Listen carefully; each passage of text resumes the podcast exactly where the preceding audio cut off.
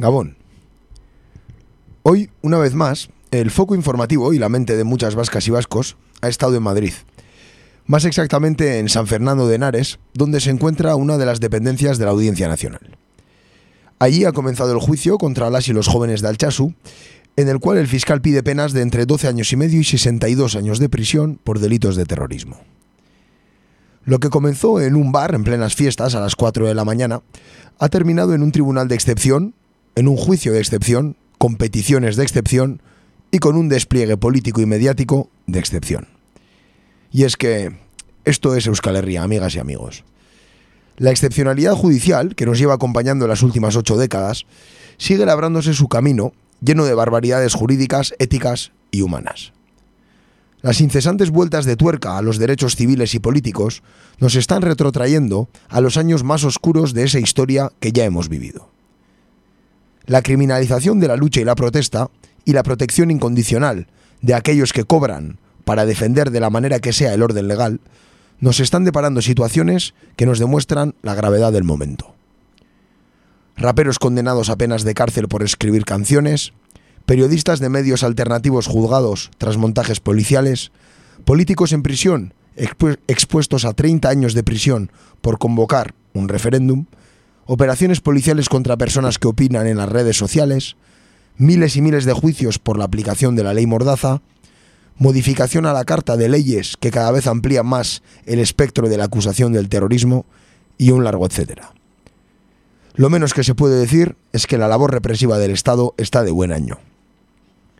La responsabilidad de asegurar el respeto de los derechos civiles y políticos de las personas siempre ha sido de la gente de a pie, ya que los gobernantes jamás tendrán interés en que así sea. Falta evaluar hasta dónde estamos dispuestas a dejar llegar a uno de los estados más autoritarios de Europa, que por trayectoria, por ideas y por dudosos méritos no parece tener ninguna intención de detener esta perversa escalada. Hemen hasten da gaur. Guten Tag, meine Damen und Herren. C'est la lutte contre le terrorisme. Katea ez da eten. Agirre, garaikoetxea, leizaola. Gaur egur. Gaur egur. Gaur egur. Jolasten eta enredando.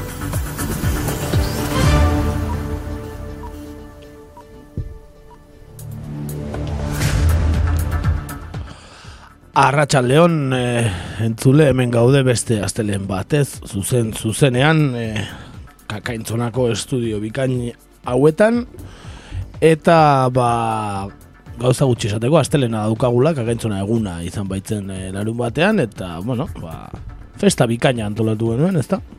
Bai, bai, eh, arratsaldeon. Bai, bai, bere, bere fruituak eman zituen, ez da? bai. Egunak, eh? Bai, eta ajea ere, ba, tamainakoa. Ez egunaren tamainakoa.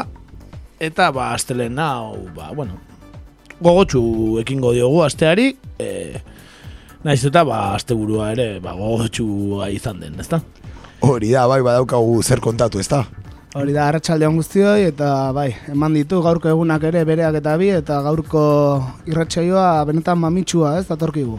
Bai, bai, bertako gaiari buruz, e, ba, nola ez ba, jorratuko duguna argita garbi dago, ez, e, besterik ez dago komunikabidetan gaurkoan, eta baita internazionalean ere, ba, badaukagu zer esana, eta ba, aurreko astean gertaturiko ekintza edo ba, arazo desberdinai buruz, eta ba, besterik gabe, ba, Ekin egingo dugula beste astelen batez, ba, gure erratsaio bikainortan, ba, egur pixkat partitzeko goz. Aurrera, aizkorak aterata.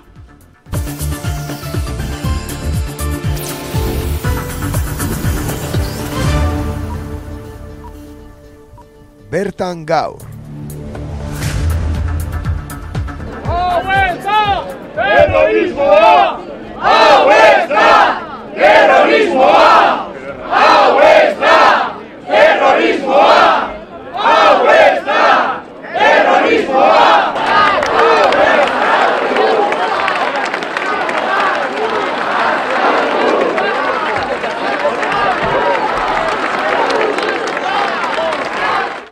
Terrorismoa! Berrogeita mila arnaz gurekin eta gurea baita ere zuekin gaude. ez ahaztu. Ez digute bakean eta herribarre batez bizitzeko gogoa lapurtuko.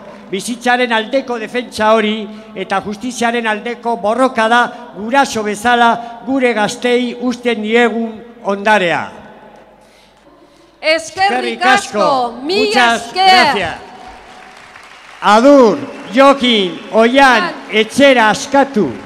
Al, Maite zaituztegu, altxasukoak aske, mila esker. mila esker.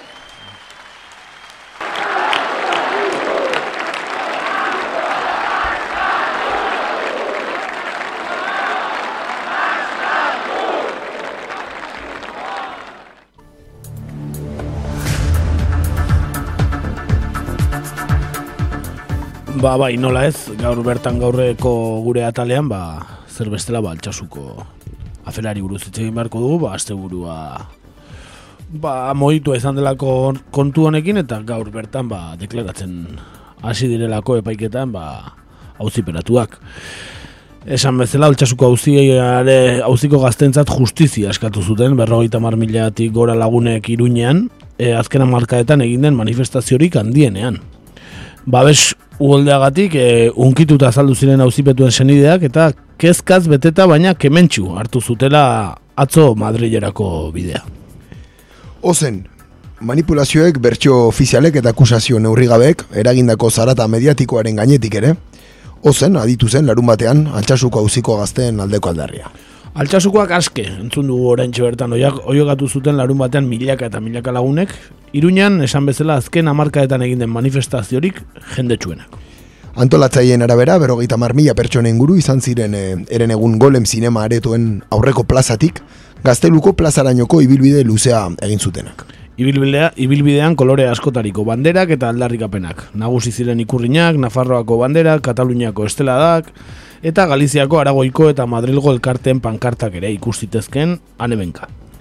Aurreko lerroetan berriz, pertsona ezagun ugari. Eh? Besteak beste, Nafarroako gobernuko, parlamentuko eta Iruñako naiz altxasuko udaletako ordezkari instituzionalak, baita geroa bai, Euskal Herria Bildu, Aldugu eta Ezkerrako parlamentariak ere.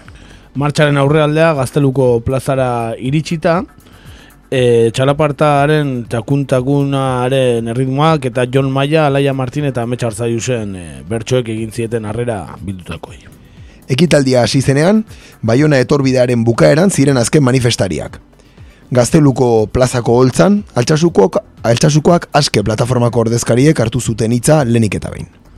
Bertara atutakoei eskerrak eman eta Adur Ramirez de Alda, Jokin Unamuno eta Oian Arnantzi, bosteun amazazpiegun preso daramatzaten hiru gaztei, bosteun kilometroko besarkada bana, igorri ostean, altxasuko auziaren inguruan zabaldu diren gezurrak eta manipulazioak zabaldu zituzten plataformako kideek. Altxasukoak aske plataformakoen esanetan, ordea, gezurrak hanka motzak ditu eta elkartasunak berriz bihotza handia.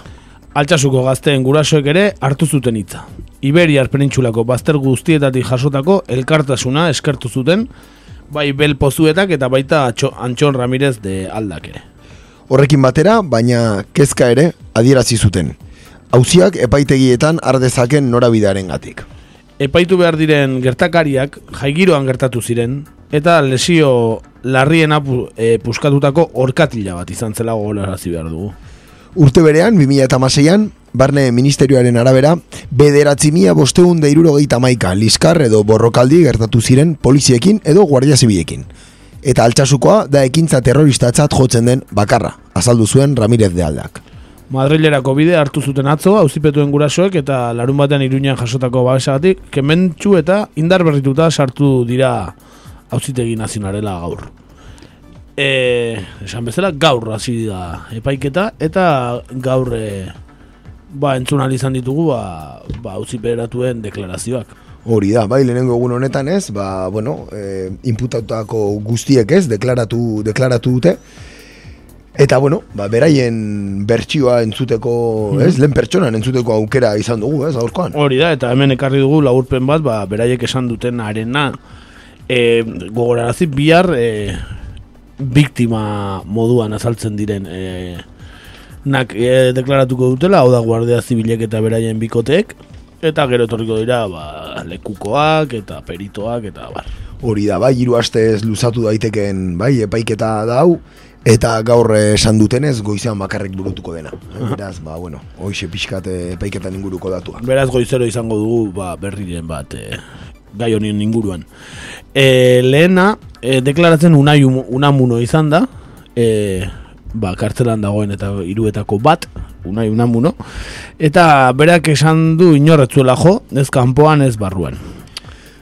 Bai, berak azaldu duenez, ez da oso ondo gogoratzen egun hartan gertatutakoaz, edan da zegoelako. Nola nahi ere, onartu du eztabaidan hasi zela Guardia Zibilekin eta uste duenez ura izan zela liskarraren iturburua. Sentitzen duela, gaineratu du, esan du berak etzuela inor jo.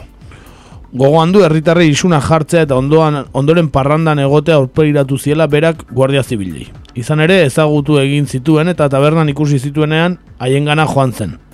Nire izenarekin deitu ninduten eta eztabaidan hasi ginen. Ez dut gogoan asko, gehienez minutu batez egongo ginen.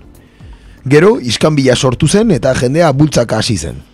Baina bera, taberna barruan gelditu zen eta uste du Guardia Zibila kanpora atera zirela. Ez nuen inor jo, ez kanpoan eta ez barruan. Tabernatik atera zenean tenientea ikusi zuen lurrean eta emakumearen gainean babesten. Ba, beste guardia zibila ez zuen ikusi. Bera, biltokin sartu zen, amaos metrora dagoen tabernan, eta gertatutakoaz hitz egin zuen jendearekin. Ez nuen inor jo, ez kanpoan, ez barruan argitu du. Baina atxilotu egin zuten. Hala izan zen, eh? liskarra baino ordu bete lehenago egindako dei bati buruz galdetu dio amaia izko abokatuak. Adur Ramirez de Alda epaituarekin hitz egin zuen eta akusazioak dio dei hartan prestatu zutela dena. Ezetz, esan du Unamunok, Pragara zijoan lagun bat eh, despeditu zuten ferietako egun hartan eta lagun ura galdu egin zen. Unamunoren arabera, Ramirez de Alda kezkatuta zegoen Pragara joatekoa zen laguna etzelako agertzen. Behin bakarrik hitz egin zuten. Ospa gi- mugi- mugimenduaz ere hitz egin du. Inoiz batzarretan parte hartu izan duela aitortu du, baina noizean behin egiten zuela. Ospa egunerako baimen bat aurkeztu zuela onartu du eta baita horregatik isun administratibo bat jarri ziotela ere. Hala ere ukatu egin du arduradun edo eledun izan denik. Beraz hause unai unamunoren deklarazioa, eh, bagoaz bigarrenarekin, ez da, Adur Ramirez de Alda, ez? Esan daiteke unai unan munorena dela deklarazio guztietan e, e, erantzunkizunen bat e, dirudien edo onartu duen bakarra. Esan daite eztabaidatu zuela e, onartu duen bakarra bera izan da. E, beste hori ere ez. Hala da, bai, eh, bera da, ez, ba, bueno, Guardia Zibilekin eh, kontaktua izan zuela, ez, eh, onartu duen bakarra eta adierazi duen eh, bakarra. Da. Adur Ramirez de Alda, esan bezala telefonoz deitu zion lagun hori, ba, ba horrek eh, deklaratu du bigarren, honek ere bosteun da mazazpi urte dara, ui, mazazpi egun dara matzak kartzelan, eta berak dio, bera etzegoela koska taberna famatuan, bera etxean zegoela ordurako. Hala, esan du, bai, e, bueno, komentatu duenez, biharamunean jakin zuen zer gertatu zen, bera etzegoelako koska tabernan, istiluak gertatu zirenean etxean zegoela esan bezala. Telefono deiei dagokienez, unamunok esandakoa berretsi du. Alegian, galduta zebien lagunari buruz, hitz egin zutela, eta ez guardia zibilak jotzeari buruz. Egun hartan zeraman arropari buruz galdetu dio abokatuak. Galtza bakeroak, kamiseta beltz bat, eta jertxe gris bat. Piko duna, adi gaineratu. Txaketa bakero bat ere bai, Guardia Zibiak zergaitik identifikatu zuen ere galdetu dio. Ez dakit, edo gezurra diote, edo nahasi naute beste batekin adierazi du. Guardia zibilarekin ez duela inoiz arazorik izan azpimarratu du. Pilotan jokatzen nuenean, guardia zibil baten semearekin jokatzen nuen arazo gabe. Identifikatu izan dutela onartu du, baina bestelako garrantziarik gabe. Ospa mugimendua herrikoia eta irekia dela azaldu du. Batzarren batean partu, parte hartu izan duela esan du, baina ez duela ardurarik. 2008ko ospa egunean parte hartu zuen, baina gainerakoetan ez, gurasoekin oporretan zegoelako. Hori izan da du Ramirez de Aldaren e, ba, bertsioa, eta berak e, berresten du, bera etzegoela tabernan, eta urrengo gunean enteratu zela liskarra, liskarrari buruz. Oian Arnantzek e, deklaratu durrena, hau da hirugarrena e, preso jarraitzen duena, bostuen damazazpi egunez preso dagoen hirugarrena, e, Oian Arnantz da, eta berak dio koska tabernan baze, e, bazegoen ere, e, ba, istiluak hasi zirenerako, ba, piztu aurretik istilu horiek, ba, bazter batera e, eraman zuela lagun batek eta bazter hartan egon zela. Hori da, bai, esan bezala hori koska tabernan zegoen, baina hasi aurretik ba, lagun batek hori e, tabernaren mutur batera eraman zuen. Beraz, ez zuen parte hartu istiluetan. Bazenekien guardia zibilak zirela galdetu diote. Ez ekiten nor ziren. Aurpegia ezagun egiten zitzaidan, baina ez nekien erantzun du berak. Egun hartan, koskan zegoen eta argiak itzalita zeudela adierazi du. Kanpoan ere argi gutxi zegoela esan du. Telefonoko deirik ezabatu duen galdetu diote. Eta berak ez ez, duela ezabatu, ez da ez erraldatu ere. Ez dut beharrik esan du, amaren neskaren, neskalagunaren edo lagunen kontuak ezkutatzeko. Gaineratu. 2006ko azaroan, auzitegi nazionalean egin zuen deklarazioan ukatu egin zuen koskan zegoela. Aldiz orain onartu egin du. Zergaitiaz, galdetu diote, 2006ko azaroan, gazteizerako autobusa hartzera zijoala, txanodunek hartu eta treskantosera eraman zutela esan du. Eta berak beldurrez, gertaeratik alik eta urrutien kokatzea hobetsi zuela. Horregatik esan zuen koskan ez zegoela. Orain familiarekin eta defentsarekin erabaki dugu gertatutakoa, nik ikusitakoa kontatzea eta justiziarekin elkarlanean aritzea gaineratu. Azaldu duenez, ez du e, ez du arazorik Guardia Zibilarekin eta bera ez da ospa mugimendukoa. Militantzia politikorek ere ez duela esan du. Hauek izan dira orduan e, orain arte preso dauden iruen deklarazioak eta gero etorri dira auziperatuta dauden besteenak. Lehena Jonander Kob izan da eta Kobek dio liskarrak eh, gertatu ostean iritsi zela bera koskara, ez gertatu zenean. Hala da, bai, e, kobek e, esan duenez, bostak aldera joan, zela, joan zen e, koska tabernara, eta ordurako liskarra gertatua zen. Han Gorka Martinez laguna ikusi eta zer gertatu zen galdetu zion, baina ez zuen jakin erantzuten. Pertsona bati hurbildu eta galdetu egin zion. Asaldatuta zegoela ikusi zuen. Sargentoa zen. Nabarmendu du sargentoarekin hitz egin zuela labur eta arketziola ezer leporatu. Berak, e, txituen ezagutzen tenientea eta sargentoa. Haietako baten bikotekidea bai, ezagutzen zuen atxasuko institutoan beste klase batean zegoelako. Maria Jose Naranjo zen ezagutzen zuen ura, eta hain justu ark identifikatu zuen kobe espetxean zegoenean. Uste dut nahaztu egin zela esan, gaineratu du kobek. Bere ondoan, zeudenek espetxean berekin zeuden lau latinoamerikar ziren. Ez genuen antzandirik eta horregatik aukeratu zutela. Berak, etzuela inor ireindu, azpimarratu du. Baketsua naiz, gaineratu du. Bere izena komunikabideetan atera zenean deklaratzea joan zen epaitegira. Eta azaldu duenez, ondorioak utzi dizkio hauziak. Ikasteari utzi behar izan dio konzentratzeko arazoak dituelako, eta den medikuaren laguntza ere behar izan du. Ospa mugimenduko kide izatea edo ezkera bertzaleko kide izatea ukatu egin du.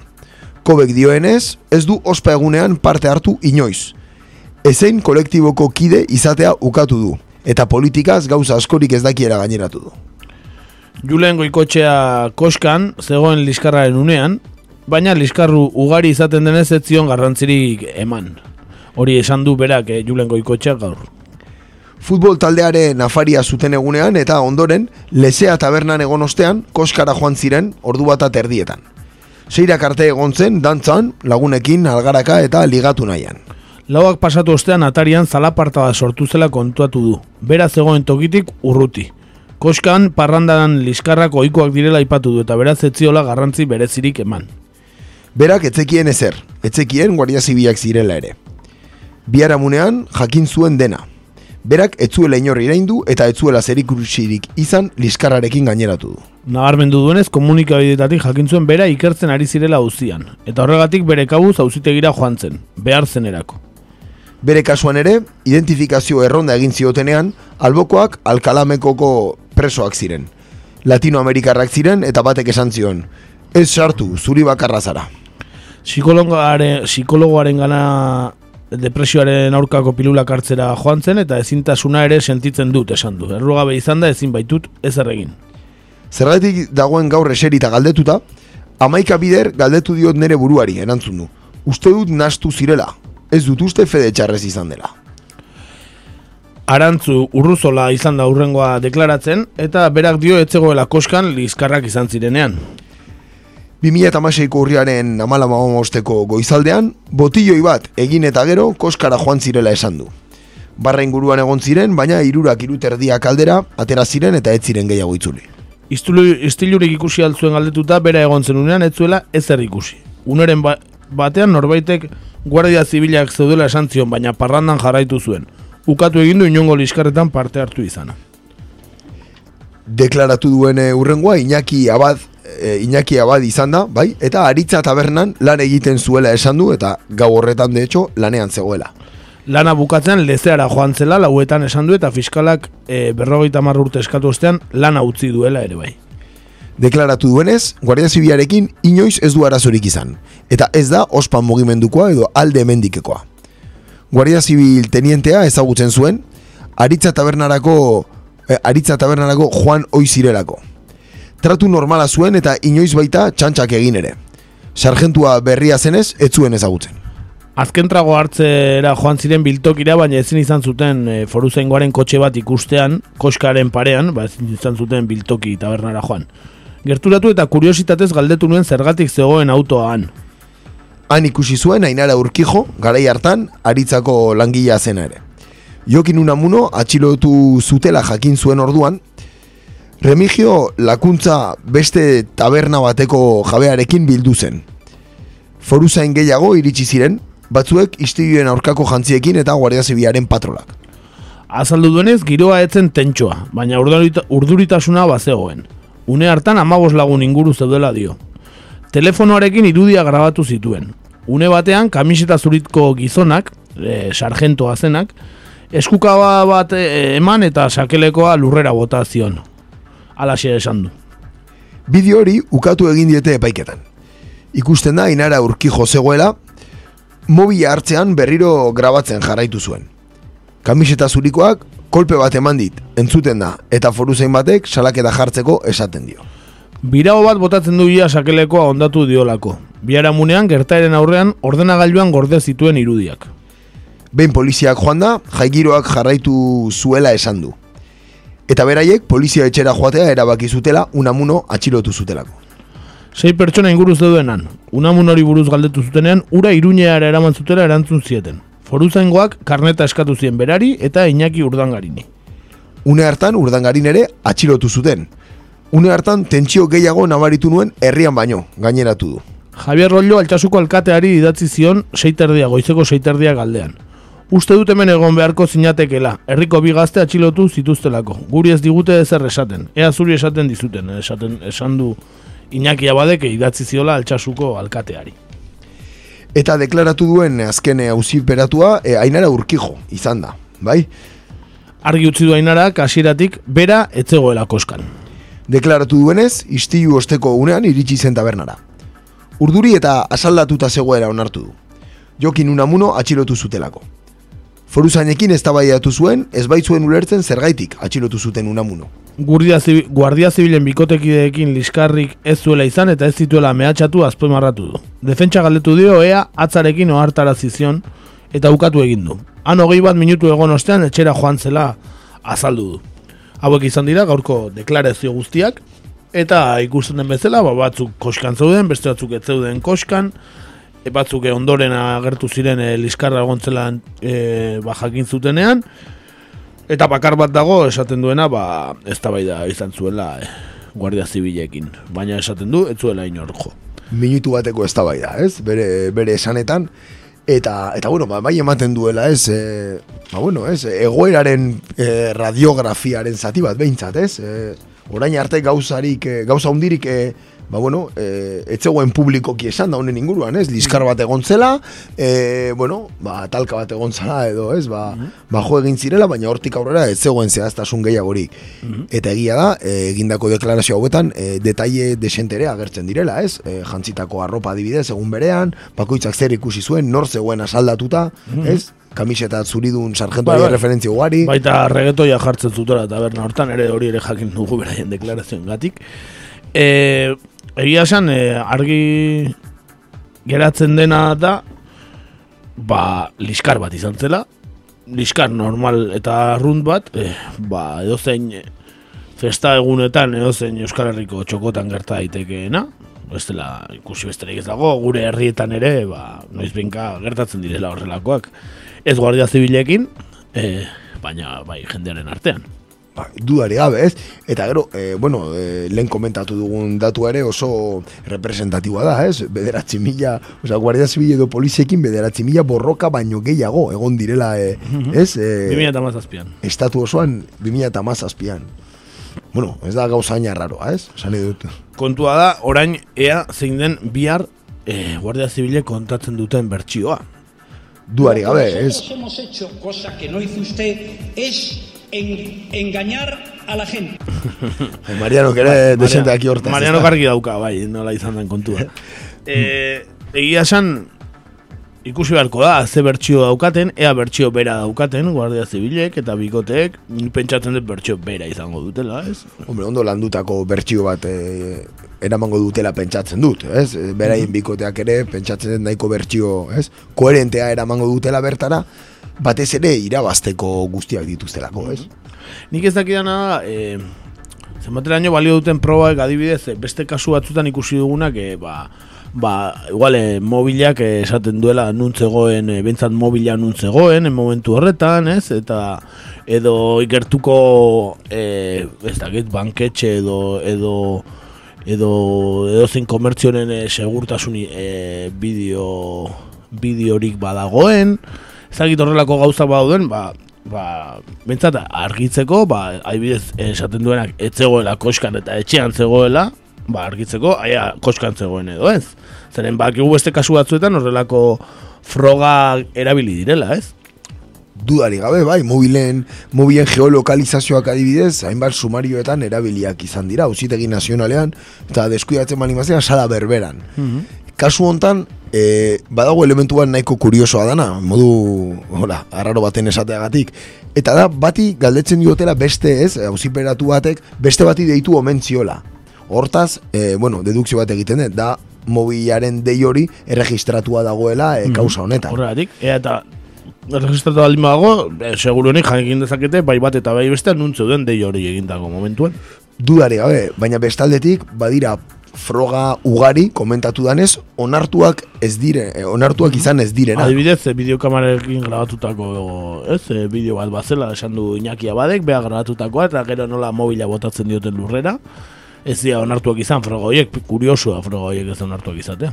Eh, nahiko froga konkluyenteak direlako, ez? Esan nahi dute momentuko grabazioak gaur egun edo horrek, ez? Dauka eh, aukera grabazio bat egiteko eta epaile batek eh, karakteristika hauetako epaiketa batean hori ez onartzea nahiko adierazgarria da. Bai, bueno, badirudi, ba, ba beste beste zeo zer badela atzetik, ez? Ba, daudela beste interes batzuk, e, ba, ba hor gertatutakoa terrorismotzat katalogatzeko eta, bueno, ba, Espainiarre iritzi publikoaren aurrean, ba, agertzeko, ba, Euskal Herrian e, ez dagoela bake egoerarik eta eta estatuko indarren aurka, ba, ba, badagoela errepresio bat eta eta badagoela horre estutze bat euskal gizartearen partetik, ez?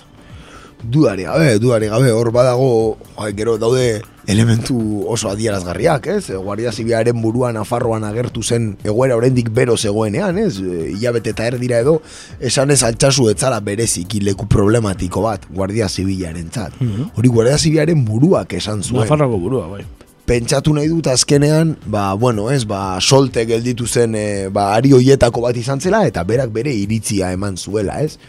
Ez zeukan inungo interesik hori esateko, hau da, e, e, a- areta gehiago, ez? Be, egiten den irakurketa, ez? E, medio handietan egin den irakurketa horrekin, joder, Guardia Zibiaren presentzia, jode, ez baian jartzen da, ez? Badirudi, ez dakatela inungo autoridaderik, ez? E, irakurritako artikulu askori kaso egiten badiegu, ez? Bai, bai, badirudi hemen e, Dakatela, vamos, inork ez diela errespeturik. ez, beldurrik ez ezer. Ojo con el odio. Ojo con el odio. Ojo, Xavier. Eta ojo por ojo? Eta bai, ba gaineratzeagatikan, e, zeren e, oraindik luzera joko, joko du honek eta ikusi beharko da e, Guardia Zibilen e, bertsioa zein den. Ba, bointzat, e, goazen aipatzera, ba, ba nola Naparroako auzitegitikan, e, ba, auzitegi nazionalera eraman zuten kasua eta gainera ba Carmen Lamela epaileak e, epaituko duela, eta Carmen Lamela zein den, ba, pixka eta aipatzea ondo legoke. Izan ere, maiz aipatzen da nolako boterea duten Espainiako hauzitan nazionaleko instrukzio epaileek dotrinak sortzeko. Baltasar garzonena izan zen e, agian formatuena. Bai, por cierto, Baltasar Garzonek gaur hitz egin du, eh, esan ez, dela etzaiola terrorismoa. proportzionala iruditzen, bueno, eh, hor utziko dugu, eh? hor utziko dugu. Eh, ark sortu eta haren ondorengo batzuek, bere egin zuten dena eta da, eh? tesi famatua, da adibide ezagunena, Orain, etaren ondorengo garaian, dena terrorismoa da, sortzeko bidean da Carmen Labela, epaia. Hala dirudi zeren Katalunian ere ba, berdina egiten ari da ez. Diskrezio eta lan eskerga izan ditu ezaugarri, auzitegi nazionalean eh, haren korridoreetan ezagutzen dituzten kazetarien arabera Carmen Lamela epaileak. Bai, diotenez, arena oso urrun dago, han oikoak diren epaile izarren soslaitik. Zaila da haren irudirik topatzea, ez ordea autojudizial polemikoa. 2008 garren urtetik dago auzitegi nazionalean, 2008etik irugarren instrukzio epaitegian. Eta 2008ko azarotik da horko epaile titularra, Javier, Javier Gómez Bermúdez ordezkatuta.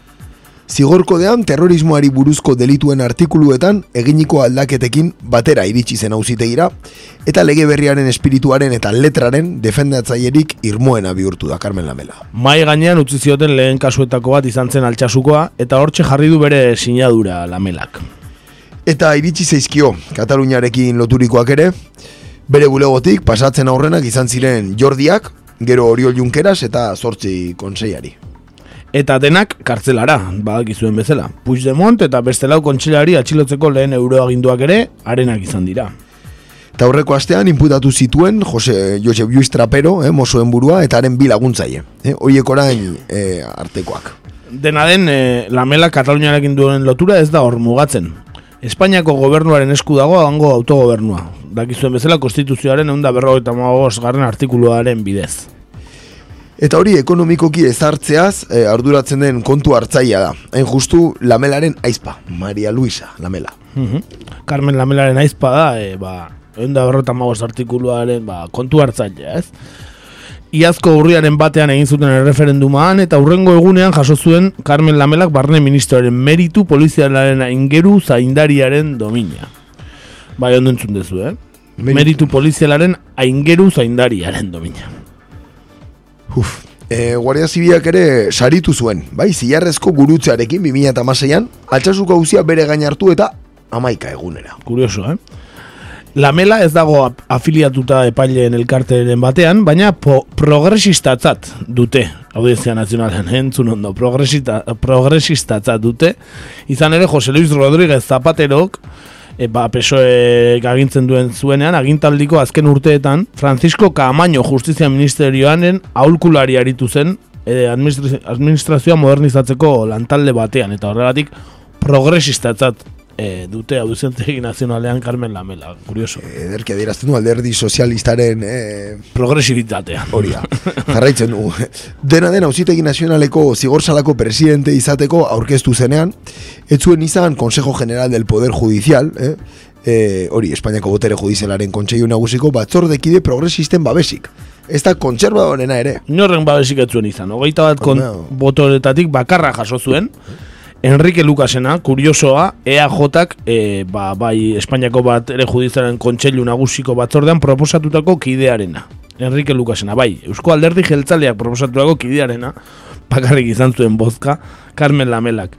Iazko maiatzean izan zen hori, eta ordurako altxasuko hauzia bazu, e, ber, bere gain zuen. Eh? Eta EAJak e, proposatutakoak izan eman zuen bozka. Benetan, na, nahasgarria eta eta ez ulertzekoa hemen gertatzen dena. Esaten dan bezala bide guztiek Romara eramaten dute, ez Bai, ba, hemen denak gauzitegi nazionalera. Hori da. Hori da, hori esan bar nuen, bai. E, egi esan, bueno, ba, berriro ere aurkitzen dugu epaile bat politikoki, bueno, e, Espainiar estatuko goikarguetan dauden epaile guztiak bezala, politikoki oso markatua dagoena. Egi esan diferentzi gutxi egoten da orokorrean, ez? Alderdi sozialistak e, aurkezten dituenen artean eta PPK aurkezten dituenen artean. Kasi diferentzia, e, kasi diferentziarik ez dago beraien artean. Hemen, hemen adibide Bai, garbiena, ez? Ikusi besterik ez dago, ez? E, gero ba nola banatzen dituzten ba, ber, bertako karguak eta ba, bueno, ba, pesoek ze jarrera hartzen duen e, ba, auzitegi nazionala epaitzen dituen e, ba, kasu gehienetan ba, ez da alderdi popularretik oso urruti posizionamentuetan. Dudari gabe, ez? Eta, eta bueno, ba, esan bezala, estatu, estatu arrazoiak, ez? Agintzen du auzitegi nazionalean betidanik. Eta kasu honetan ere, ba, ba horrela da, horrela da, ez? Ba, goia bola bat sortuta, eta eta bola hori, ba, bueno, ba, jarraitu behar da potoltzen ere, ez? Da, titular honak ematen ditu, eta irmotasun irudia ere ematen du, ez? Gaur kasu Javier Marotoko egin duen prentxaurrekoan ikusien bezala, ez? Gu izan gea, ez? Terrorismoaren kontrako borrokeira hasi dugunak eta eta jarraitzen dugu. Noski, zen oraindik terrorismoa dago Euskal Herrian, ba, altxasukoak hori hori nabarmentzen du, ez? Terrorismoa dagoela. Bueno, luzera doan gaia da, baina nire ustez e, gauza garrantzitsuenetakoa da ezkutatzen duela benetako eztabaida. Eta dala estatuko e, sekurida- e, segurtasun indarrak, ba, zei papel jokatzen duten Euskal Herrian eta ea Euskal gizarteak e, benetan nahi duen e, ba, indar polizial horiek e, gure herrian egotea, nun bertako poliziak baditugun ja. ¡Viva España! ¡Viva el rey! ¡Viva el orden y la ley! ¡Mi puta madre, me está viendo! Hor beste bat, eh? Hor eh, oso impartziala ere, ez da? Eh? Bai. Adibide oso, oso ona, eh? Bai, hori ere mozkorra zijonda, liskarren baten sartuko zen, igual, Bai, du, dudik ez izan, behatzi mila bosteun horietatik, egun bat berek izango ziren. Baina, bai, baina ez dituzte iruro eta bi urteko kartelazio horrek eskatzen diotenik. Nik ere, ez zeukan itxura txarra behintzat. Bueno, en fin, esan dakoa, ez? Batez ere, ba, nola fondoko eztabaida hori hor dagoen, eta egi esan, desente harritu nau prozesu guzti honetan, eta beste noizbait, ez? Komentatu izan dugu, ez? Altxasuko kasu atera denean, e, ze gutxi eztabaidatu den, e, kasu hontan Nafarroan eta gehiago sakanan, ez? Guardia Zibilaren presentziaz, ez? e, erroko arazoa, ez? Dena e, oso gutxi abordatu da edo ebitatu egin da. Eta esango nuke alderdi politiko guztiek, ez? Ebitatu dutela horren inguruko eztabaida plazaratzea, ez? Eta nik uste dut, batez ere sakanan, e, ba bueno, sakanak daukan historial errepresibo ikaragarri horrekin, ez? Biztanle kopurua eta polizien kopurua eta aktibidadea kontutan hartzen bali badugu, ba, ba beharrezko eztabaida zela. Eta, eta berriro gertatu ez dadia bermatzen duen eztabaida bakarra hori dela pentsatzen dut, ez? Bai, eta gaina, ba, ba honek egiten duena izkutatu eta luzatu eztabaida hori berriro ateratzea.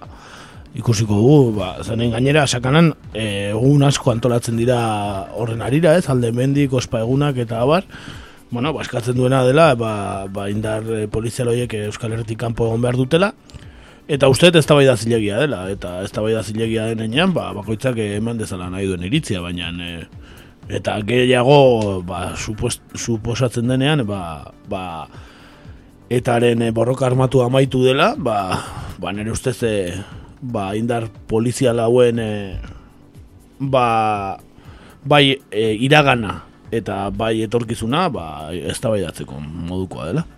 Duare gabe, batez ere, e, estatuak historikoki e, polizia, ez, e, instituzio hauei emandako ba, paperaren gatik, ez, eta basikoki beraiek Euskal Herrian buru duten papera izan da, e, ba, gerra paper bat, eh, dut, polizia antiterroristatzat etorri ziren honea, eta eta hori izan da beraien karakterizazioa, ez?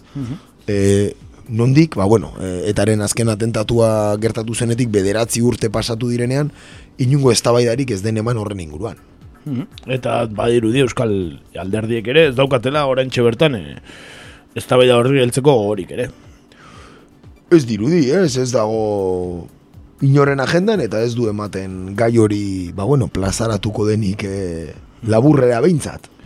Ez, ba horixe. E, benetan gai, bueno, adarrasko dituena, baina e, momentuz ba, ba benetan e, garrantzitsuena, ba, benetan epaila, epaia justua izatea, ez, ez du aurre ikusten ari izango denik, baina epai justua izatea eta eta eta nahi egon nuke, ba, ba auziperatu dauden altsasuko gazteak, ba, ba benetan epaik eta justu bat izango balute.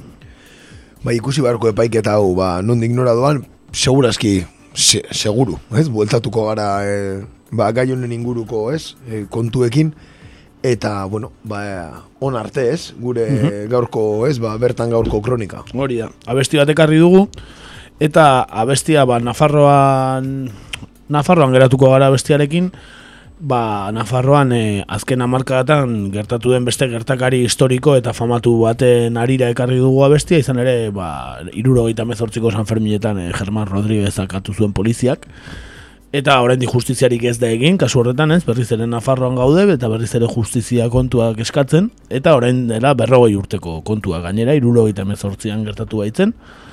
Eta, ba, berrogei urte betetzen dira aurten San Ferminetan, ustaianen sortzian hori gertatu zela, eta ba, urte osoan egongo dira ekintzak eta abar, eta ba, orain disko bat atera dute, e, talde desberdinek, e, abesti desberdinekin, talde oso ezaguna daude, ba, el drogas dago, e, balerdi balerdi, eta bar, eta guk ba, Fermin Valentzia famatu ekarri dugu, Fermin Valentzia ere famatua, eta bere abestia hilarria ekarri dugu, ba, Fermin, e, Germán Rodríguez oroitzeko.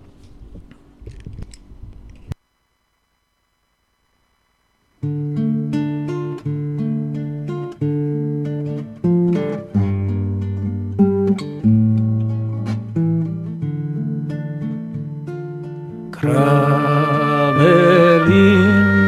gorri bazara Gure bihotzean loratu zana Zuri bezar gaskiak suz grabatua Are asko ekaitza, are asko hitza. Zigor gabe errudunak noiz justizia herriak Krabelin gorri batzara Gure bihotzean loratu zana Maite zenuen iria, nahi duzure horoitarria Baina batez ere maitiak zure irria Maite zenuen iria, nahi duzure horoitarria Baina batez ere maitia zure irria 8 de julio Germán, libertad contra sus balas. Querían los asesinos matar la aurora anunciada. Mira tu gente Germán, herida pero alentada. El día de tu soñar vendrán a tocar las dianas para plantar tu sonrisa en las calles liberadas.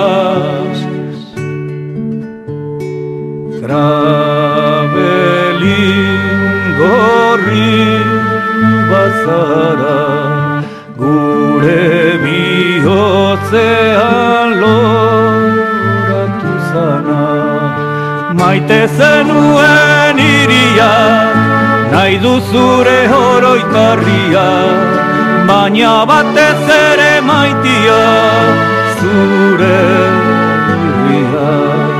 Maite zenuen iria, nahi duzure horoitarria, baina batez ere maitia zure irria.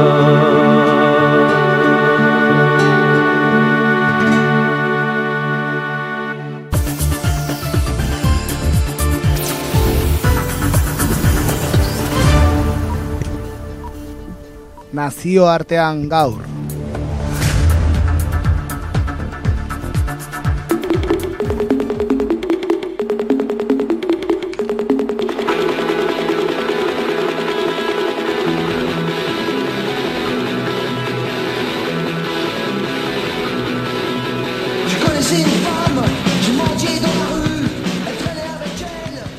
Bueno, pues... ¿A dónde nos llevan estos ritmos del post-punk? Son ritmos del post-punk, sí señor. Finales de los 80, principios de los 90. ¿eh? Berguier Noir.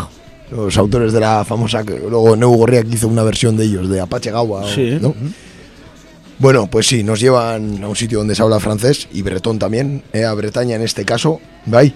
Eh, nos vamos hasta allí, pues bueno, a raíz de los, de los sucesos que han tenido eh, lugar allí esta pasada semana, en, esa zona agrícola que se conoce como, como ZAD.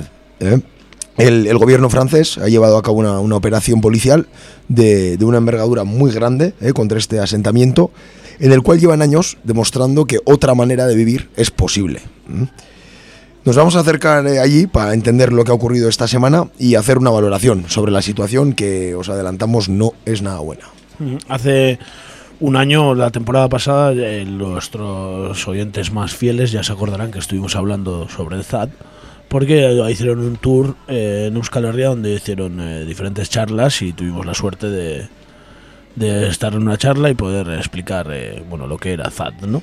Eso es, de hecho pudimos entrevistar, ¿no? si no recuerdo mal, a una persona del pueblo que estuvo allí y bueno, que nos explicó un poco el funcionamiento de aquello y de bueno, pues de este de este proyecto que es un proyecto único, o sea, es un proyecto que ha tenido mucho eco y que bueno, que ahora pues no pasa por su mejor momento, vamos a ver por qué.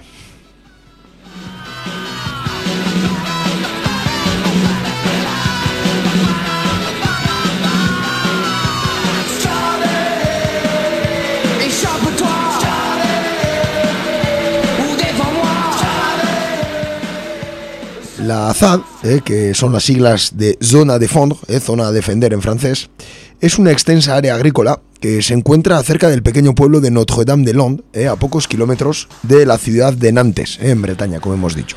Desde los años 70, cuando el gobierno francés planteó por primera vez la construcción de un aeropuerto internacional en ese terreno, las protestas de las personas que viven en estas tierras no ha tenido pausa. El proyecto de este macroaeropuerto en Nantes, eh, adjudicado a la multinacional de la construcción Vinci, iba acompañado de la ampliación del puerto de Saint-Nazaire, mm, que se encuentra en la costa a escasos kilómetros de Nantes, con el fin de construir una gran infraestructura con una inversión económica enorme, eh, que también incluía la construcción de nuevas autopistas y carreteras. La oposición tanto ideológica a este modelo de economía como ecológica por las desastrosas consecuencias medioambientales que acarreaba este proyecto fue aumentando y tomando cuerpo durante tres décadas. En el año 2003, el proyecto fue relanzado por el alcalde del Partido Socialista francés de Nantes y posteriormente primer ministro, Jean-Marc Ayrault, quien puso en marcha las expropiaciones de los y las agricultoras que vivían y trabajaban en la zona prevista para el aeropuerto, dejando a todas esas familias y a todos esos agricultores sin vivienda y sin empleo. Las protestas no se hicieron esperar y la resistencia y las movilizaciones contra este proyecto fueron en aumento.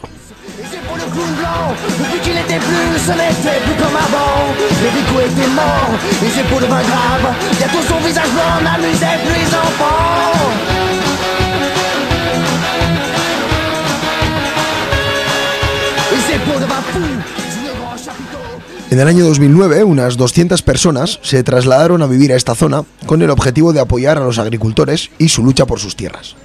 Reformaron viviendas y cabañas, abrieron varias tiendas y se organizaron de manera comunitaria y asamblearia.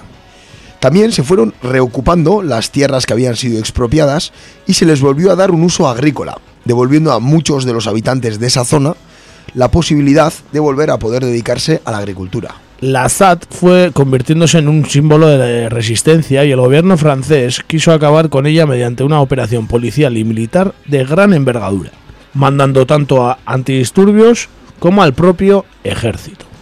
Han oído bien, el propio ejército. Eh, Esta operación se desarrolló entre octubre del 2012 y abril del 2013 y dejó multitud de enfrentamientos entre los y las zadistas y los policías y los militares. Las fuerzas de seguridad derribaron multitud de viviendas y cabañas que servían de vivienda.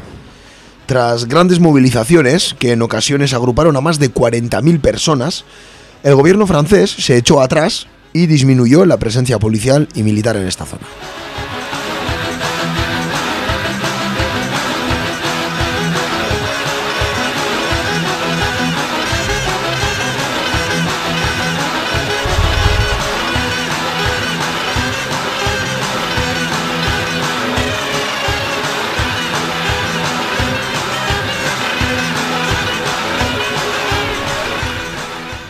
En enero de este año hubo nuevas noticias, ya que el presidente francés Emmanuel Macron anunció la cancelación del proyecto de aeropuerto de Notre Dame des Lands, los, lo cual fue celebrado tanto por las integrantes de ZAD como por las asociaciones de agricultores de la zona, los movimientos sociales o algunos partidos políticos.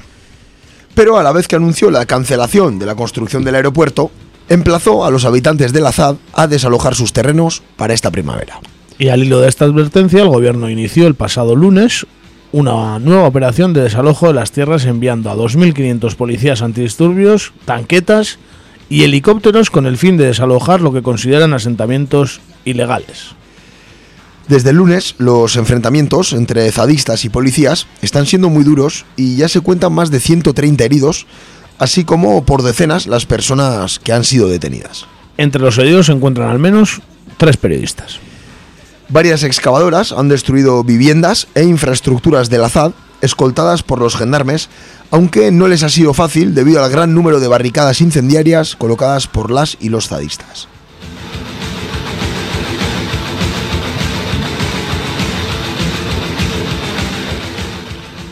En los enfrentamientos, los gendarmes antidisturbios han utilizado granadas lacrimógenas así como bombas de sonido. que por cierto no están toleradas en la legislación francesa. Las denuncias por los excesos y los malos tratos por parte de los gendarmes durante las detenciones también están siendo numerosas. Las operaciones policiales dentro de las tierras de la Assad también se están sucediendo y el jueves tres personas fueron arrestadas en su domicilio acusadas de haber lanzado un cohete contra uno de los helicópteros de la gendarmería.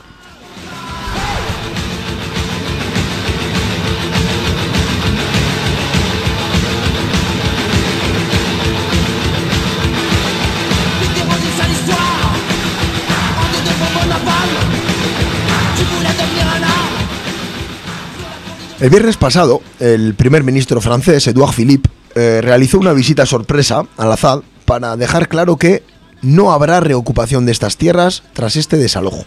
Tras esta advertencia dijo tener una mano tendida para las personas que tienen un proyecto agrícola en la zona, invitándoles a depositar peticiones individuales para regularizar su situación antes del 20 23 de abril. Modo de actuar que no ha sido aceptado desde el inicio por las agrupaciones de agricultores que siempre han buscado una salida comunitaria para todas las personas. Tras mostrar su apoyo y su solidaridad a los 43 gendarmes que habrían sido heridos, concluyó aclarando que si los y las agricultoras no formulan su petición antes del 23 de abril, estarán expuestos a medidas judiciales.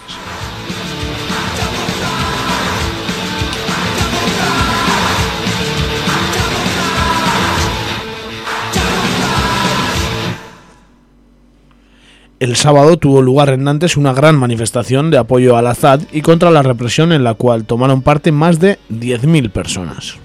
Sí, mil policías antidisturbios, mil policías antidisturbios fueron desplegados y bueno, cargaron durante, la, durante esta manifestación, dejando varios heridos y al menos seis personas detenidas. Los enfrentamientos en el centro de Nantes duraron hasta bien entrada la noche.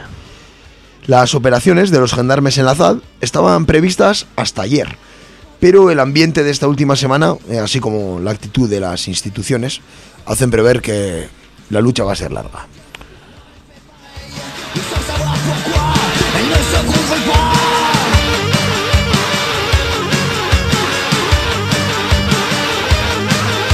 Mais elle a toujours froid Il n'y avait pas de soleil Je me sens bien avec ça Bueno, pues no es nada nuevo en la ZAD, eh, porque ya hemos que en 2012 y 2013 pasó algo parecido, pero bueno, una otra oleada más de represión contra este movimiento único, ¿no?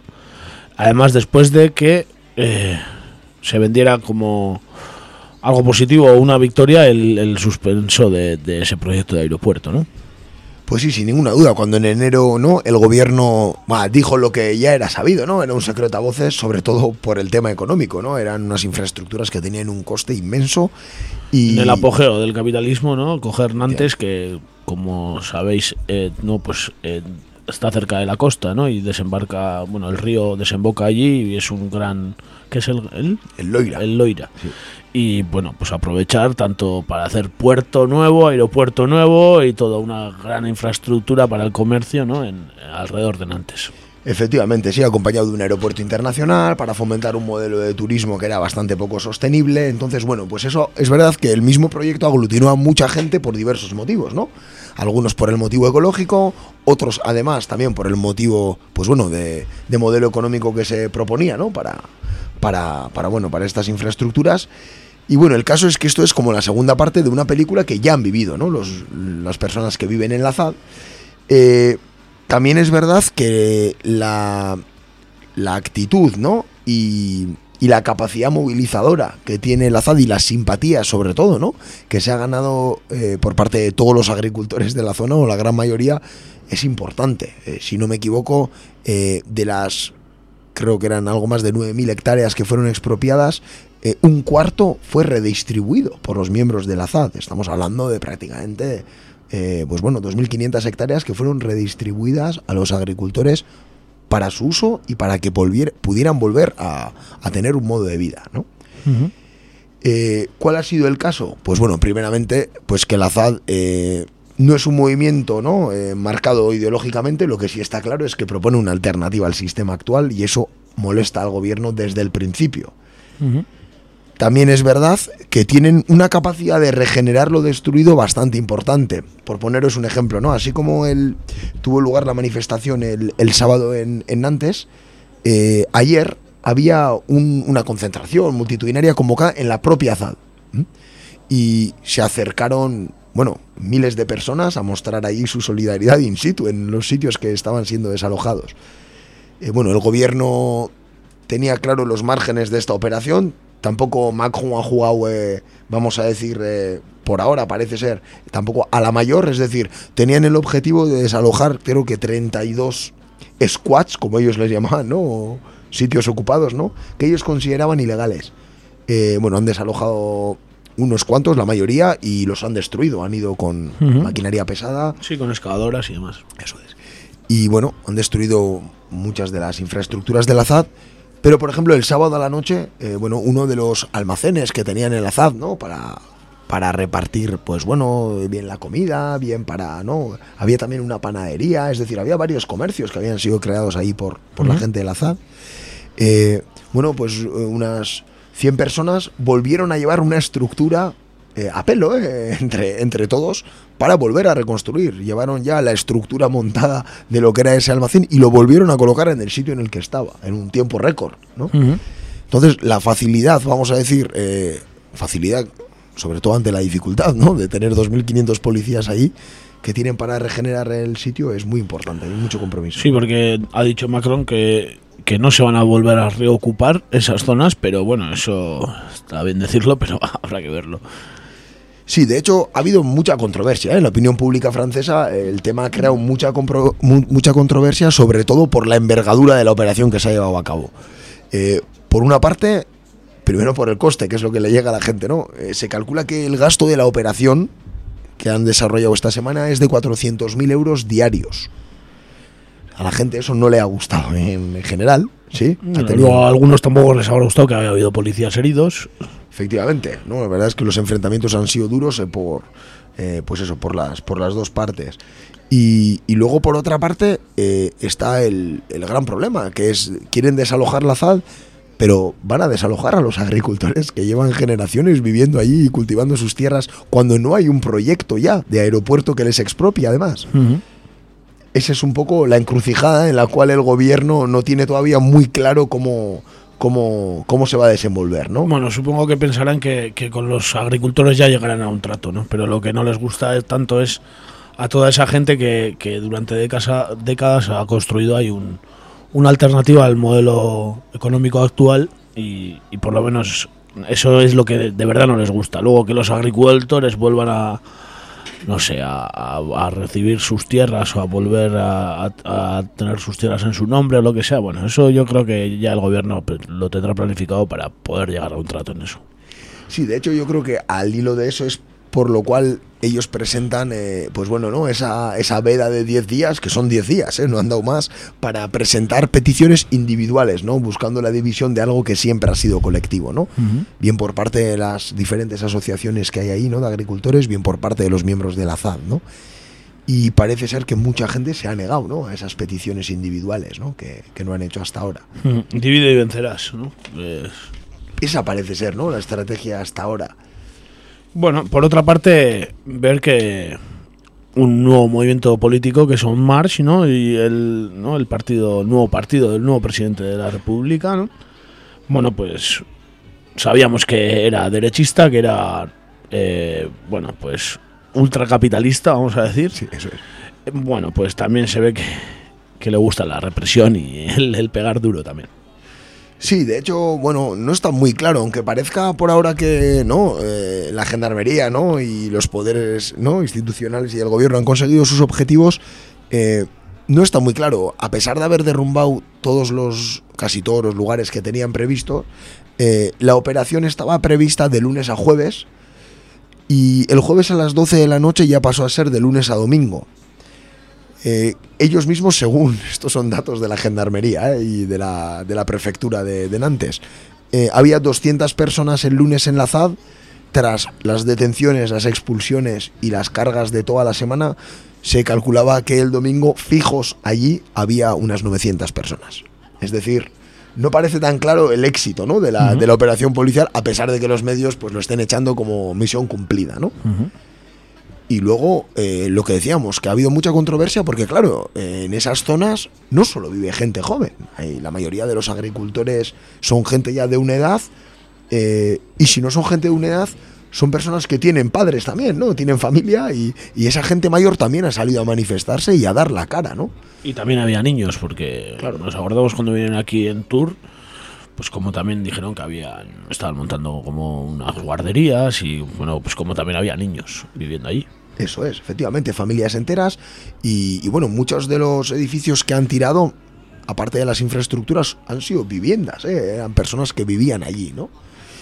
Entonces, bueno, ese- esa imagen también ha dado, ha dado que pensar, ¿eh? La opinión pública francesa eh, no ha sido muy bien recibida, ¿no? Gente mayor eh, que se hace golpear por gendarmes antidisturbios, pues bueno, no, no es una buena imagen, ¿no? O sea, Ah, eso, eso a imagen está bien para que lo vean internacionalmente en Cataluña, ¿no? Que es España, pero en, pero en Francia no.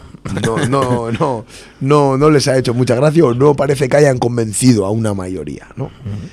Y bueno, pues así las cosas. También es verdad que, bueno, y lo comentamos aquí cuando entrevistamos a, ¿no? A esa persona del pueblo que había, esta- esas dos personas que habían estado allí. eh, se hacía prever, es verdad, que mientras existió el proyecto del aeropuerto había como un frente común o un poco una brújula, ¿no? Que marcaba cuál era el sentido de la lucha que había en la ZAD, ¿no?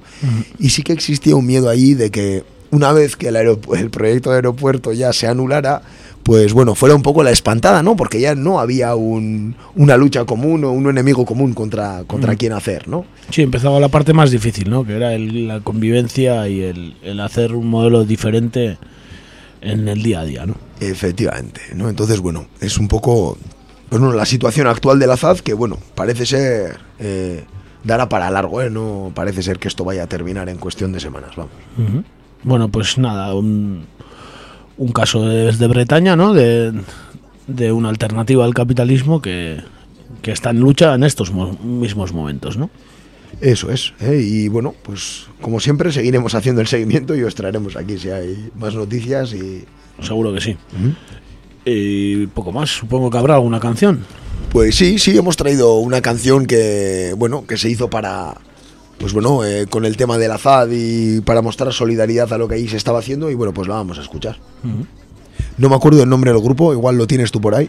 Notre Dame des Landes. Vale, era en- Ese es el proyecto, ¿no? Eso El- es, el eso es. pueblo. Y Bredine. Eso es Bredine, era efectivamente el nombre del grupo. sí.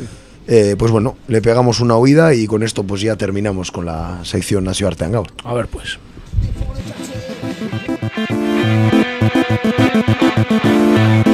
Du haut des cimes, de la forêt de Roanne, du salon à la cuisine, dans toutes les cabanes. Ça mène, toujours le doux refrain, orchestré par des hommes, matraque à la main. Expulsion du terrain, l'avion décollera demain. Mais on résiste, main dans la main. Expulsons leur bande de pantins. Expulsons leur bande de Notre-Dame-des-Landes. Renversons la vapeur, il est temps qu'on nous entende. Expulsons leur bande de Notre-Dame-des-Landes. Leur bande de pourris, à la pote de Vinci. Leur bande de technocrates, socialo-démocrates Sur nos terres, pas d'aéroport, pas de béton pour ces gros bords. Avis de spéculation, t'as réfléchi et ton pognon. Jamais ne nourrira nos gosses. Face à vous, on restera féroce. L'heure est de retour à la terre. Expulsons leur bande mensongère Expulsons leur bande de Notre-Dame-des-Landes. Renversons la vapeur, il est temps qu'on nous entende. Expulsons leur bande de Notre-Dame-des-Landes. Leur bande de lâches Soldats des mégalos Prêts à gazer des vaches à coups de taser et lacrymo. Sans pain, sans travailler sans armes. Nous allons être gouvernés par des mouchards et des gendarmes. Des sabres de peuple et des curés Jusqu'à quand les gens de guerre tiendront le haut du pavé? On va rien lâcher, on plantera les patates On te fera bouffer le moindre gramme d'asphalte. Expulsons leur bande de Notre-Dame-des-Landes Renversons la vapeur, il est temps qu'on nous entende. Expulsons leur bande de Notre-Dame-des-Landes Face à vous, de dangereux terroristes Armés de bon sens, de palettes et de vis Qui jettent des poireaux à la figure. Pauvres flics, tout proche de la bavure. Ici, tout le monde est solidaire. L'Assad tient bon et ne lâchera pas l'affaire. Ici, tout le monde est solidaire Pour construire un monde sans leur bande d'actionnaires. Expulsons leur bande de Notre-Dame-des-Landes. Renversons la vapeur, il est temps qu'on nous entende. Expulsons leur bande de Notre-Dame-des-Landes Expulsons leur bande de Notre-Dame-des-Landes Renversons la vapeur, il est temps qu'on nous entende. Expulsons leur bande de Notre-Dame-des-Landes Quel est le trou duc de CRS ou de qui que ce soit d'autre dans les bureaux de Vinci, dans les bureaux de la préfecture, dans les bureaux des ministères qui est capable de se prendre en charge ce point-là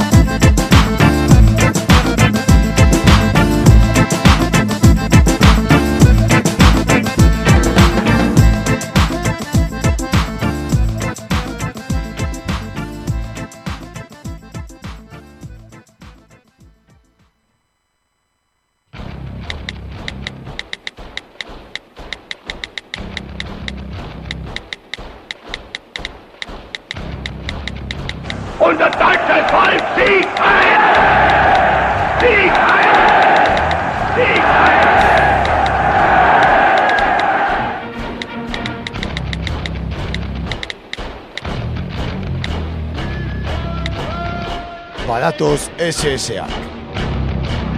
Sare sozialetan egur.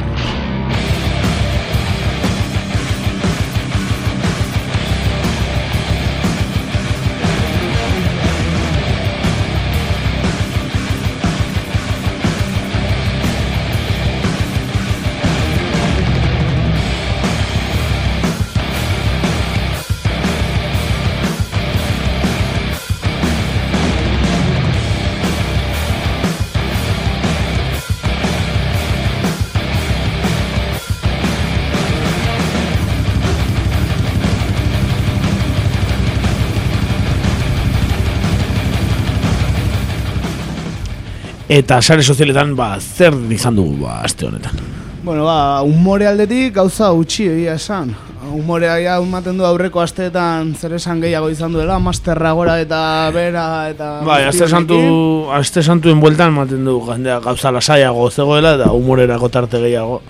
Bueno, ikusita ze gaia ekarri ditugun guk ere humorerako tarte gutxi. Bai, ez da oso humoretsua izan astea, ez? Bai, eta ba, ba, eman duena ba, Kataluniatik hasiko gara ez, ba, gaurkoan ez du Kataluniako gairik jorratu, baino ba, sare sozialetan bai, egon da zer esana, ba, gehien bat ba, CDR kasuarekin, ez, ba, ba, egon diren detentzioekin eta guzti horrekin, ba, krisek horrela zijo, e, idazten zuen. Pruebas que ha adjuntado la Guardia Civil en, en la causa por terrorismo de Tamara. Tamara e, CDR-ko atxilotuetako bat izan da, eta horrela jartzen zen zuen. Estáis sentados, jartzen zuen. Un silbato, una papeleta de 1 de octubre y una careta de Jordi Cuixart. Hostia, pruebas concluyentes, eh? Eta hori, Tamararen abokatuak eh, esana, de hori jarri ziela mai gainean, ba, eh, terrorismoa, ba, honegatik. terrorismo y rebelión, eh? Hombre, eske Silbatoa, Jordi, kareta... Jordi Cruzaten kareta zan oso V de vendetta. Eta orduan Bai, ya... ya está. Buru txiltatuta. Me dices que tienes una careta de Osama Bin Laden o algo, no sé, algo como más así, más light, pero Jordi Cuixart, tú, Ya, es que hay que tener eso en O casa. Jordi, George Bush o... Eso es, ¿no? Algo así, ¿no? Tony Blair, Emmanuel Macron, no sé, algo así, ¿no? Pero no, no, ¿qué va? Jordi Cuixart, tú, es que, joder, pruebas concluyentes, ¿eh? Vale, sobre todo porque, hombre, Jordi Cruzat eh, ha llamado a la rebelión y un día se subió encima de un, de un patrón de la Guardia Civil. ¡Ojo! ¡Ojo, eh! Ojo al dato, se subió Eso- encima de un patrón de noche. Intolerable. Intolerable. Intolerable, Con un megáfono, no, no has añadido todo. Eso dilo es, todo, dilo todo, no escondas datos. Con un megáfono. Exactamente, verdaderamente vergonzoso, como para no calificarlo de terrorismo. Bueno, en fin, eh, esperpento gutxi da esatea, ez da, Bai, eh? bai. Esperpento, bueno, madre mía. Bueno, orain ba altsasu aldera salto egingo dugu eta ba Don Michel erregeak gaur arratsaldean ba horrela idazten zuen bere txio batean, nahiko ezaguna ja da Don Michel erregea gure sare sozialetan. Bai. Eta honela jartzen zuen. ¿Ven factible que en Francia las SS alemanas siguieran patrullando las calles en paz y armonía? Pues en Euskadi creo que tampoco. Bueno, norbete bintzate ateratzen du ez da bai da, ez? Hori da, ez? Esaten da, ez? Hor galditzen da, ez? Esan dakoa, ez da? Hori da. Joder. Bueno, kontu zibilia da Don Michel Herrera ere. Bai, bai. Gero daka. Ah, Kontuz armi armarekin. Bai, Guardia Zibilak eta SSA konpa, eh, konparatzea ere izanetik terrorismo zantzua, eh? Beste froga konkluyente horietako bat, ez da? Jarraituz, altxasuko gaiarekin Pablo Luengok honela zioen. Kaso altxasua. Punto 1. Pelea con la Guardia Civil. B. Detenido por la Guardia Civil. 3. Denunciados por la Guardia Civil. Lau. Juzgados en la Audiencia Nacional por la jueza Espejel casada con el coronel de la Guardia Civil. 5. Condecorada con la Orden del Mérito de la Guardia Civil. Están en un callejón sin salida. Jo, desde luego, no? Da, da pasada bat, eh? Dago, irizpide, de hecho, jo, nik benetan pentsatzen dut irizpide hori ez zaintzearena, ez? E, oso argi erakusten duela, ez dakatela inungo araz hori. No, ez da inungo ez ez.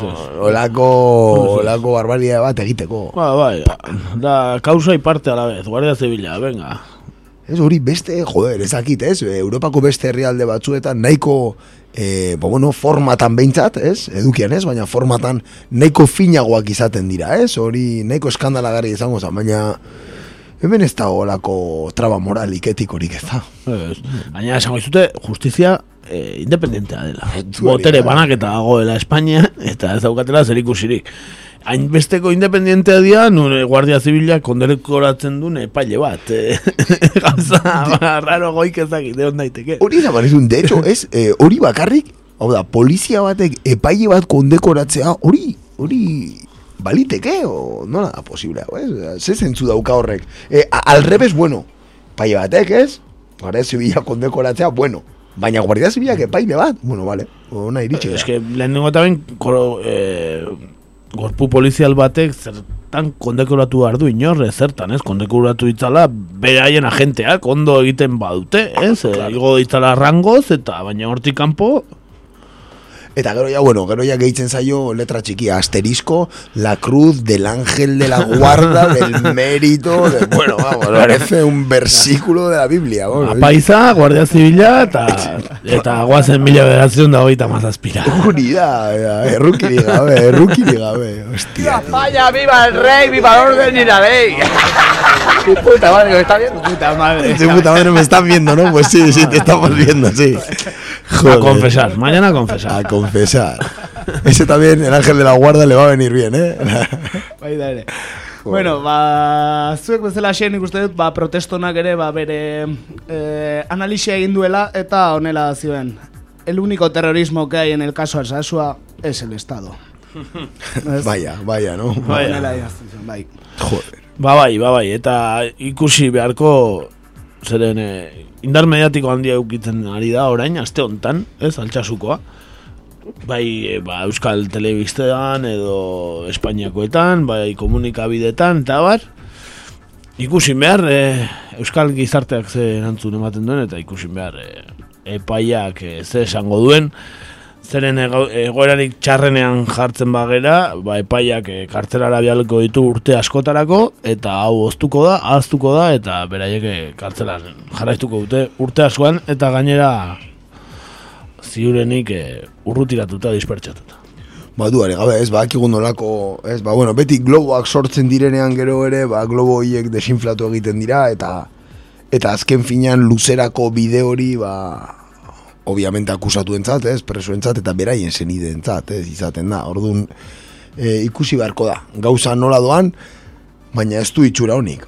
Momentuz ez, ea, ea, ea besterik esateri daukagun urrengo asteetan hemen, baina itxura txarra dauka eta ea, ea euskal gizarteak e, ba, erantzuteko kapazidaderik baduen. Eta gero, besterik gabe, azken kontu bat aipatzeagatik, e, orokorrean, eh, Espainiako medioetan egiten ari diren eh, honen inguruko eztabaida, bueno, bu- ikaragarria, hor, eh, denan hasten da, eh, hor, eh, Ua, nik bintzat no. gaur la sextan ikusi duana, bueno, Sektan, Eh, barkau, la sekta, bai, esperanza girek esan zidamen, la sekta. Eta, eh, bueno, bertan, eh, buf, eh, altxasuko kasua, nastu da, eh, alde hemendik horren errebindikazioarekin, ez? Por cierto, Euskadiko ezkarak asmatutako leloarekin, eh, etcétera, etcétera, ez? Orduan, bueno, horra, badago batiburrio bat, ez?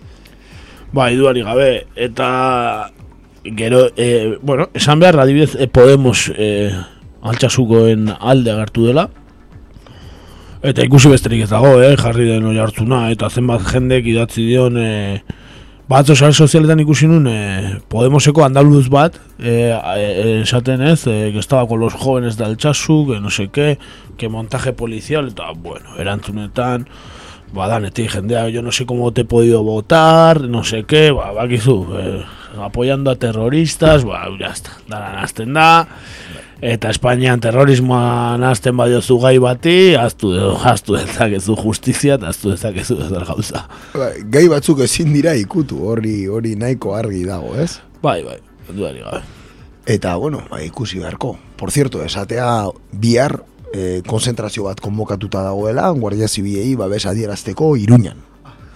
Bai, eh, Guardia Zibilei babes adierazteko Iruñan, uste dut UPN, PP, eh, UPyD ez daolako, ja. ez daolako, bestela ere jungo zien, eta gero badago beste bat ere, ez dakite COVID-e, o, bueno, e, e, hori, e, biktimen elkarte bat, Eta bueno, ikusi beharko, ez, ba, ze erantzun duen mobilizazio horrek, ez? Bueno, aposto iten detango diala, Rubén Mujica, Gorka Maneiro, Sergio Sayas, Esparza, oie bintzat seguro. Seguro, bai, bai, bai, bai, hor egongo dira Gaur, de hecho, joder, oso, bai, diskurso oso, oso gogorra erabili dute Nafarroako parlamentuan, ze badakizute, eh, Maria Solana Nafarroako parlamentuko bozera maia, esa, gobernuko bozera maia manifestazioan egon zela, bai?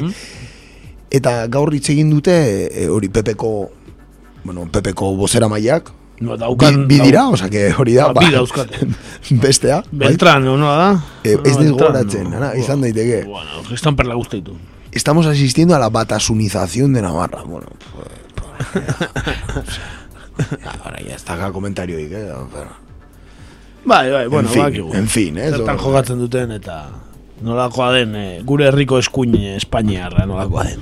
bai, bueno, ikusi beharko, ea biharko mobilizazioan nola doan, eta horrengo astelenean eh, komentatuko dugu, a ber. Eh, ze... Besterik, eh, sare sozialetan? Bai, azkena daukat. Goaz. eh, Ja, gai hauek alde batera uzten dituena, eta Kim Jong-un, gure Koño. aski ezaguna beste pertsona hau ere gure sekzio honetan, eta ba honek ba esaera edota esan batzuk e, lurralde ezberdinetako, paise ezberdinetako esan batzuk bildu ditu, eta ba baita ere ba Espainia nolakoa den, ez? Ikusten da. Eta horrela lehenengoa ba Txina, Txinako banderatxo bat jartzen zuen eta horrela. Cuando el sabio señala a la luna, el necio mira al dedo. Ondoren, erresuma batukoa, de noche todos los gatos son pardos. Ondorengo eh, eh, bandera, Rusiakoa, caer está permitido, levantarse es obligatorio. Hirugarrena, Frantz, o sea, laugarrena, Frantziakoa, sean realistas, pidan lo imposible. Eta azkena, Espainiako banderarekin zekarren. Si hay camiones aparcados en la puerta, se come bien. Quiño, ondo, ondo, eh. Hor, la, la sabiduría asiática, eh. da. La sabiduría asiática Ahorita siempre tiene faltaron su- con huevos. España con huevos. Con huevos. Con huevos. Se Se come bien con huevos. Con huevos. bai, bai, egia, eh, benetan, eh. Oso ona jode, quiño nun beti lezio bat emateko prest, eh. Gutxienez, ba, parrea atera didan Bai. e, pertsona bakarra, ba, egun hauetan, ba, Twitterra ikusi, zegia esan. Si hay camiones en la puerta, se come bien. Komiko handia eta presidente hobea. Hombre, eta pertsona bezala ez dugu gaur komentatuko, baina baita ere bai. Bai, eh? baina pertsonalki ezagutzeko aukera izan genuen. Bai, bai, eta oso ondo egia esan, Dennis Rodmanekin ere egon ginen, eta oso txukun dena, eh, benetan. Bai, triple ondo. batzu botatzen, eh? Oso ondo, Pyongyangeko estadioan, eta, eh, Ze estadioa, eh? ze estadioa eta ze estadoa. Bai, bai. Eh, dena esan dago gaur. Bai, gonbidatuta zaudete. Edo zein e, bidaia agentziatan merke dago orain, e, Ipar Koreara bidaia ustet. Bai, eta oso polita da eta merezi du, eh? Osa, que badakizute. Apuntatu, bestela idatzi Twitterrez eta Google lortuko dizue. Bai, prestatzen ari gara, autobus bat, bestela joateko. Hori da, eh? Hori da, KFC, eh? Bai, Korea, Kentucky. Korea Friends Commission, eh? Ah, bai. Bueno, ba horixe, e, besterik ez, azken abestia ez, eta datorren astean nere hemen izango gara ez, orain dio, gero bi aste barru dago zubia edo Bai, maiatzaren bi aste barru maiatzaren bateko bai data tokatzen da, baina urrengo astelenean hemen izango gara, Bai, ezta? bai, pentsatzen dugu bai, ez ez ba, Eh. ez erre arraro hori gertatzen, hemen izango gara datorren astelenean ere, eta gero ba, azken, ba, zubiren bat edo jai egingo dugu, eta ja, azken, denboraldiko azken txampari Bai. Azken egingo dugu. txampan sartuko gara, eh? Badago zer kontatu, beraz. Ja, ba, Bueno, zerrekin amaitzen dugu gaur? Ba, amaitzeko, e, aste honetan, e, negu gorriaken, e, orain, ez da, Bi Doberman Beltz, diskoa goita bosturte dut Hori da, eta ba, ba besti horixe bera ekarri ekarri dugu, ba, gaurko gaiaren inguruan ere, ba, zer esan badaukalako da besti honek, eta ba, hemen digan, besarka handi bat altxasuko gazte guztiari, altxasu herriari, eta ba, baita ere, ba, zaten e, resistentzian jarraitzen duten guzti orori.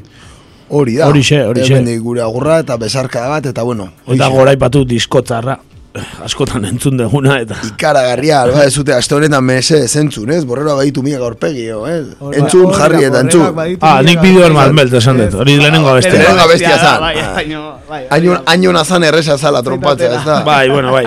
Eh? Borrero guaitu mila gaurpegi, bai. Hori da. Neu goreaken baditu disko, bai. ba, ezagunena. Esan bezala, Robert De Nirok irrifarre bat eskeniko dizu. Bai, hori da. Besarka handi bat guztioi. Bueno, animo eta gaiztoki izan urrengo aste arte.